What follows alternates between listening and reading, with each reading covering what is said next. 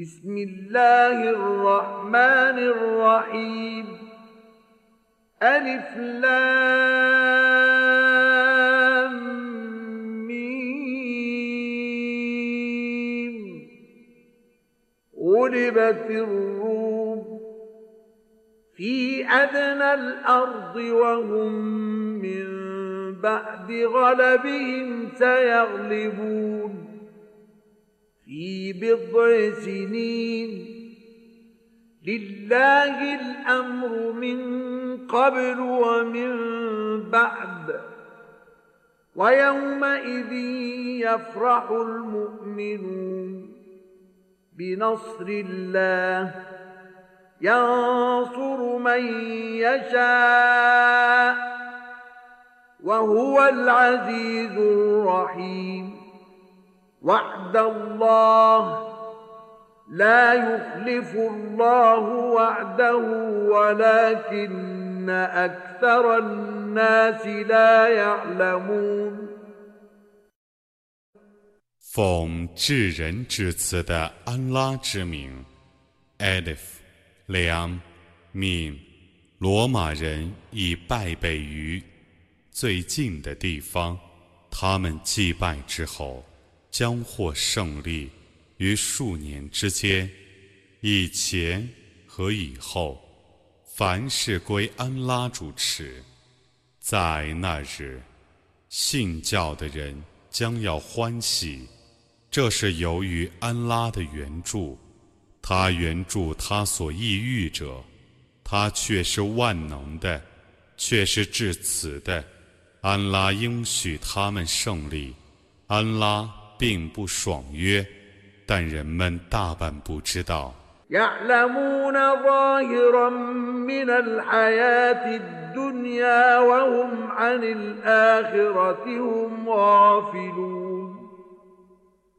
أولم يتفكروا في أنفسهم ما خلق الله السماوات والأرض وما بينهما إلا بالحق وأجل مسمى وإن كثيرا من الناس بلقاء ربهم لكافرون 他们只知道今世生活的表面，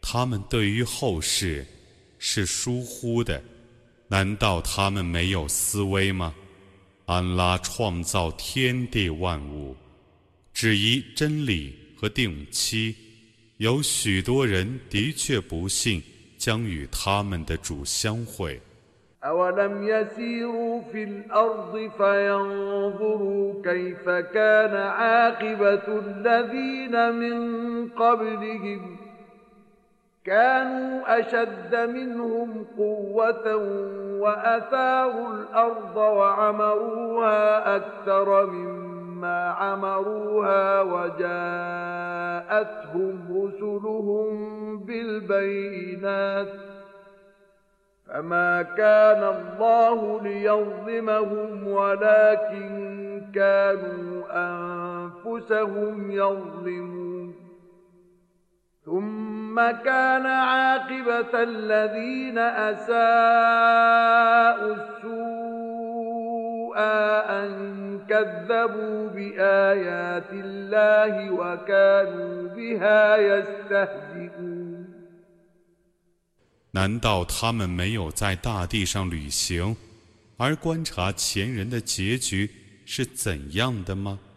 前人比他们努力更大， 前人于地方的垦殖和建设胜过他们，他们族中的使者给他们带来了许多的名证，故安拉不致亏枉他们。但他们亏枉了他们自己，然后恶报乃作恶者的结局，因为他们否认安拉的迹象，而且加以嘲笑。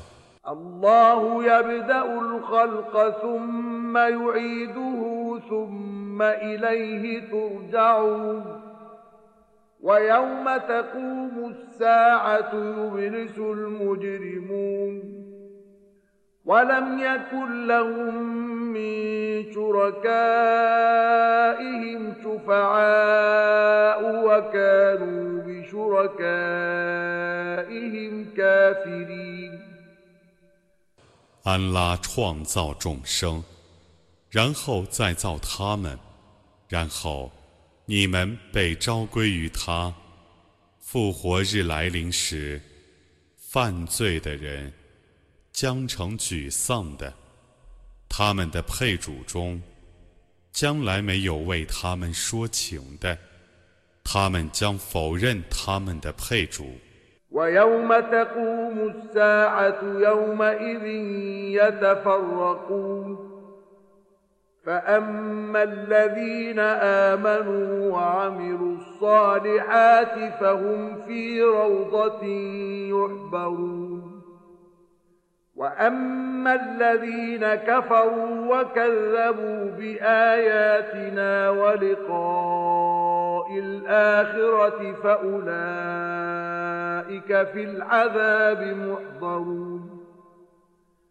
复活时来临之日，他们将彼此分离。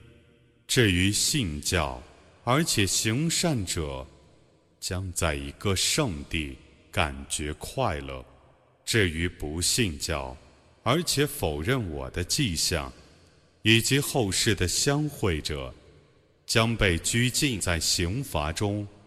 فسبحان الله حين تمسون وحين تصبحون وله الحمد في السماوات والأرض وعشيا وحين تظهرون يخرج الحي من الميت ويخرج الميت من الحي ويحيي الأرض بعد موتها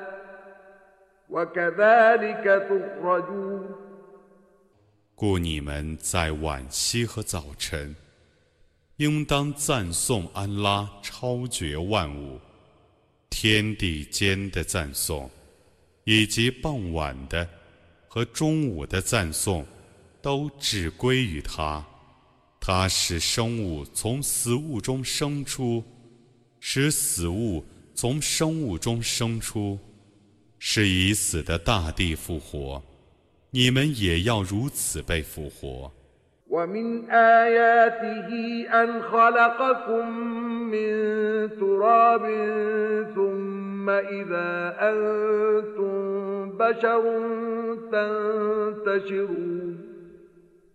ومن آياته أن خلق لكم من أنفسكم أزواجا لتسكنوا إليها وجعل بينكم مودة ورحمة إن في ذلك لآيات لقوم يتفكرون ومن آياته خلق السماوات والأرض واختلاف ألسنتكم وألوانكم ۖ他的一种迹象是，他用泥土创造你们，然后你们立刻成为人类，散布各方。 他的一种迹象是，他从你们的同类中为你们创造配偶，以便你们依恋他们。并且使你们互相爱悦，互相怜恤。对于能思维的民众，此中却有许多迹象。它的一种迹象是天地的创造，以及你们的语言和肤色的差异。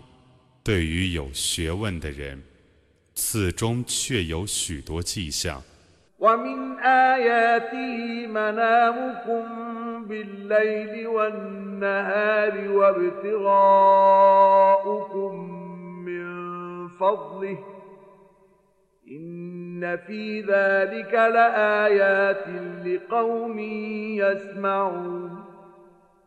ومن آياته منامكم بالليل والنهار وابتغاؤكم من فضله إن في ذلك لآيات لقوم يسمعون ومن آياته يريكم البرق خوفا وطمعا وينزل من السماء ماء فيحيي به الأرض بعد موتها إن في ذلك لآيات لقوم يعقلون 它的一种迹象是。 你们在黑夜和白昼睡眠，并且寻求他的恩惠。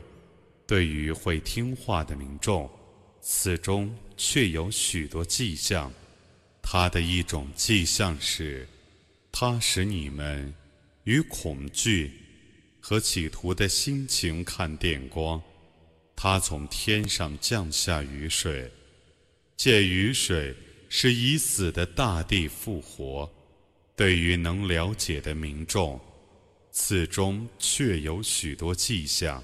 ومن آياته أن تقوم السماء والأرض بأمره ثم إذا دعاكم دعوة من الأرض إذا أنتم تخرجون وله من في السماوات والأرض كل له قانتون وهو الذي يبدا الخلق ثم يعيده وهو اهون عليه وله المثل الاعلى في السماوات والارض وهو العزيز الحكيم 他的一种迹象是，天地依他的意志而坚定。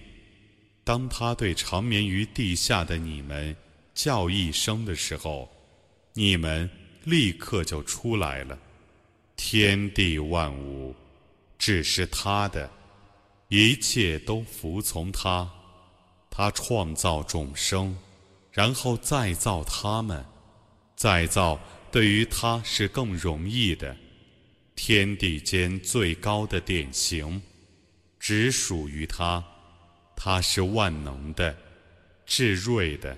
ضرب لكم مثلا من أنفسكم هل لكم مما ملكت أيمانكم من شركاء فيما رزقناكم فأنتم فيه سواء تخافونهم كخيفتكم أنفسكم كذلك نفصل الآيات لقوم يعقلون بل اتبع الذين ظلموا أهواءهم بغير علم فمن يهدي من أضل الله وما لهم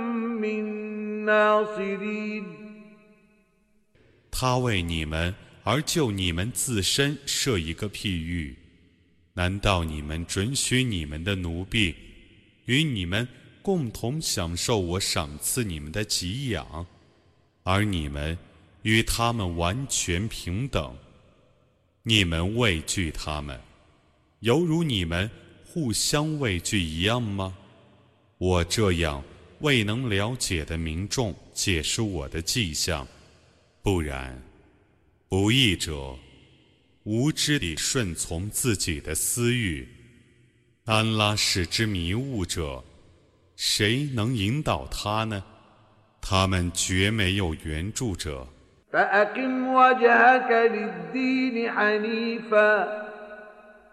فطرة الله التي فطر الناس عليها.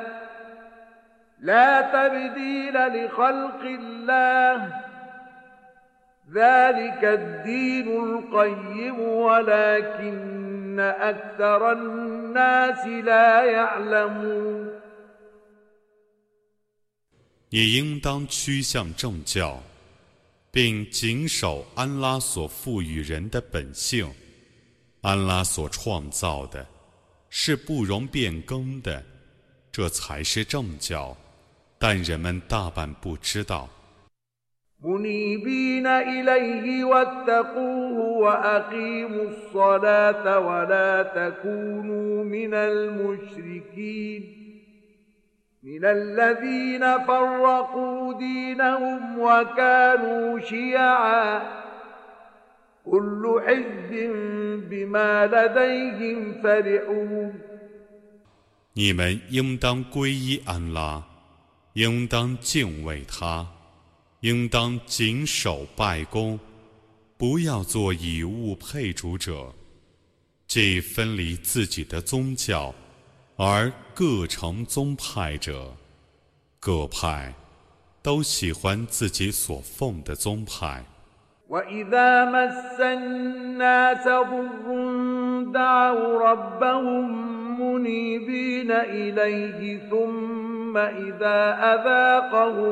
منه رحمة إذا فريق منهم بربهم يشركون ليكفروا بما آتيناهم فتمتعوا فسوف تعلمون أم أنزلنا عليهم سلطانا فهو يتكلم بما كانوا به يشركون 人们遭难的时候，祈祷他们的主，同时皈依他。 当他使他们尝试他的恩惠的时候，他们中的一部分人立刻以物配主，以致辜负他所赐他们的恩典。你们享受吧，你们将来就知道了。难道我曾降示他们一个明证，命令他们以物配主吗？وإذا أذقنا الناس رحمة فرحوا بها وإن تصبهم سيئة بما قدمت أيديهم إذا هم يقنطون أولم يروا أن الله يبسط الرزق لمن يشاء ويقدر إن في ذلك لآيات لقوم يؤمنون 当我使人尝试恩惠的时候，他们就为那件恩惠而沾沾自喜。如果他们因为曾经犯罪而遭难，他们立刻就绝望了。难道他们不知道吗？安拉欲使谁的给养宽裕， 就使他宽裕；欲使谁的给养窘迫，就使他窘迫。对于信教的民众，此中确有许多迹象。فآت ذا القربى حقه والمسكين وابن السبيل ذلك خير للذين يريدون وجه الله وأولئك هم المفلحون. وما آتيتم من ربا ليربو في أموال الناس فلا يربو عند الله. وما آتيتم من زكاة تريدون وجه الله فأولئك هم المضعفون 你应当把近亲、平民和旅客所应享的权利交给他们。对于要想获得安拉的喜悦和恩赐者，那是更好的。这等人却是成功的。 你们为吃力而放的债，欲在他人的财产中增加，在安拉那里不会增加。你们所失的财物，欲得安拉的喜悦和恩赐的，必得加倍的报酬。الله الذي خلقكم ثم رزقكم ثم يميتكم ثم يحييكم هل من شركائكم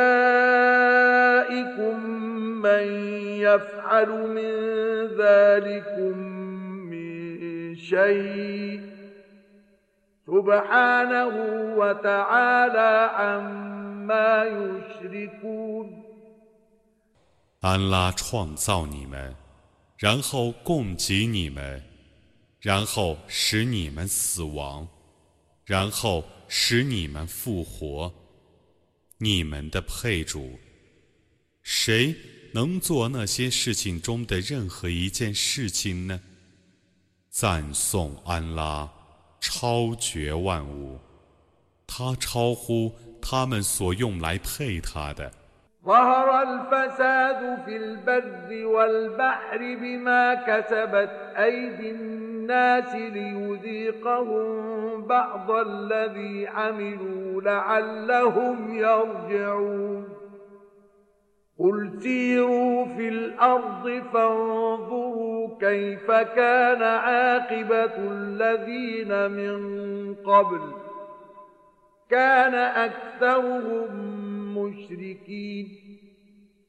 灾害因众人所犯的罪恶而显现于大陆和海洋，以致安拉使他们尝试自己的行为的一点报酬，以便他们悔悟。你说，你们应当在大地上旅行，因而观察前人的结局是怎样的。他们大半是以物配主的。فأقم وجهك للدين القيم من قبل أن يأتي يوم لا مرد له من الله يومئذ يصدعون من كفر فعليه كفره ومن عمل صالحا فلأنفسهم يمهدون ليجزي الذين آمنوا وعملوا الصالحات من فضله إنه لا يحب الكافرين 在不可抗拒的日子，从安拉来临以前。 也应当趋向正教，在那日，他们将彼此分离，不信教者将自受其不信的恶报，行善者只为自己预备安宅，以便安拉用他的恩典去报仇信教而且行善者，安拉却是不喜爱不信教者的。ومن آياته أن يرسل الرياح مبشرات وليذيقكم من رحمته ولتجري الفلك بأمره ولتجري الفلك بأمره ولتبتغوا من فضله ولعلكم تشكرون 它的一种迹象是。 他派遣风来传达佳音，使你们尝试他的恩惠，是传播奉他的命令而航行，以便你们寻求他的恩惠，以便你们感谢。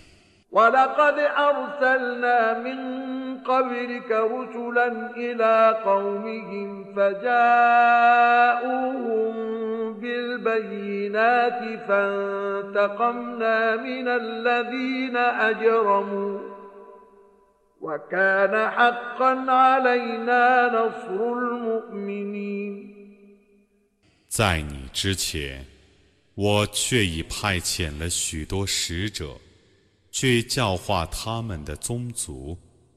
那些使者就昭示他们许多明证，然后。 我惩治犯罪的人，援助信士，原是我的责任。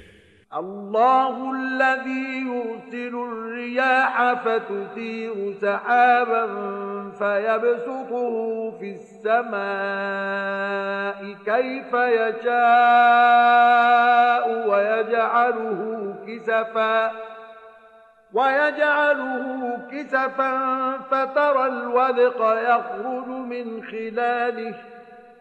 فإذا أصاب به من يشاء من عباده إذا هم يستبشرون. وإن كانوا من قبل أن ينزل عليهم من قبله لمبلسين. فانظر إلى آثار رحمة الله كيف يحيي الأرض بعد موتها إن ذلك لمحيي الموتى وهو على كل شيء قدير 安拉派风去兴起云来，然后任意地使云散布在天空。 并且把云分成碎片，你就看见雨从云中落下。当他使雨落在他所抑郁的仆人上的时候，他们立刻欢乐；即使在降雨之前，他们却是沮丧的。你看安拉的恩惠的效果吧，他怎样使已死的大地复活？那却是能起死回生的，他对于万事是全能的。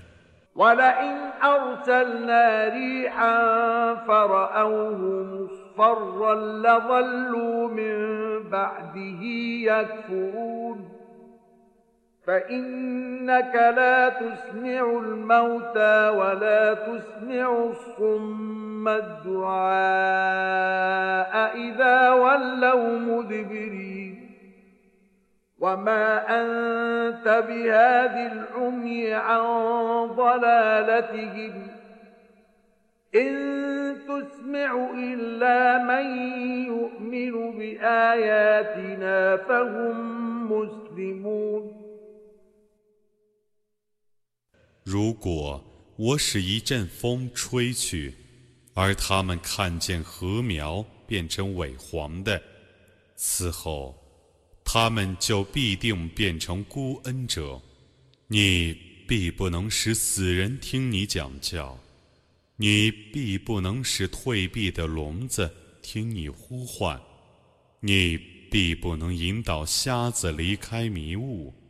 你只能使确信我的迹象的人听你讲教，他们是归顺者。الله الذي خلقكم من ضعف ثم جعل من بعد ضعف قوة ثم جعل من بعد قوة ضعفا وشيبة يخلق ما يشاء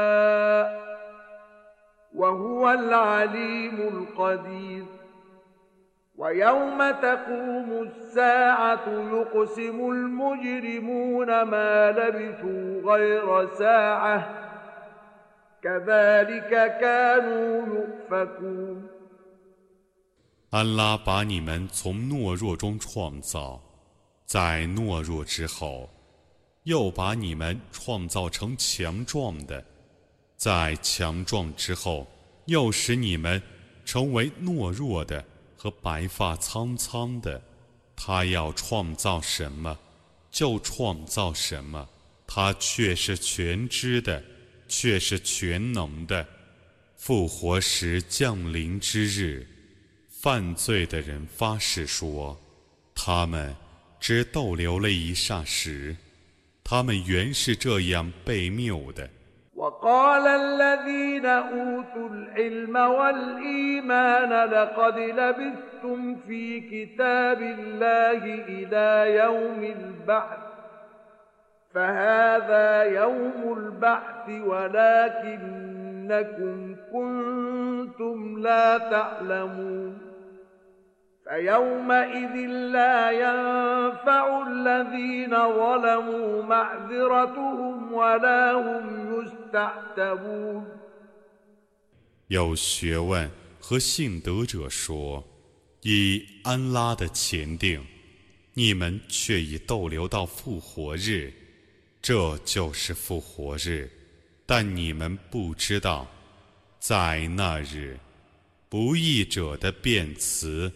无必于自身，他们也不得邀恩。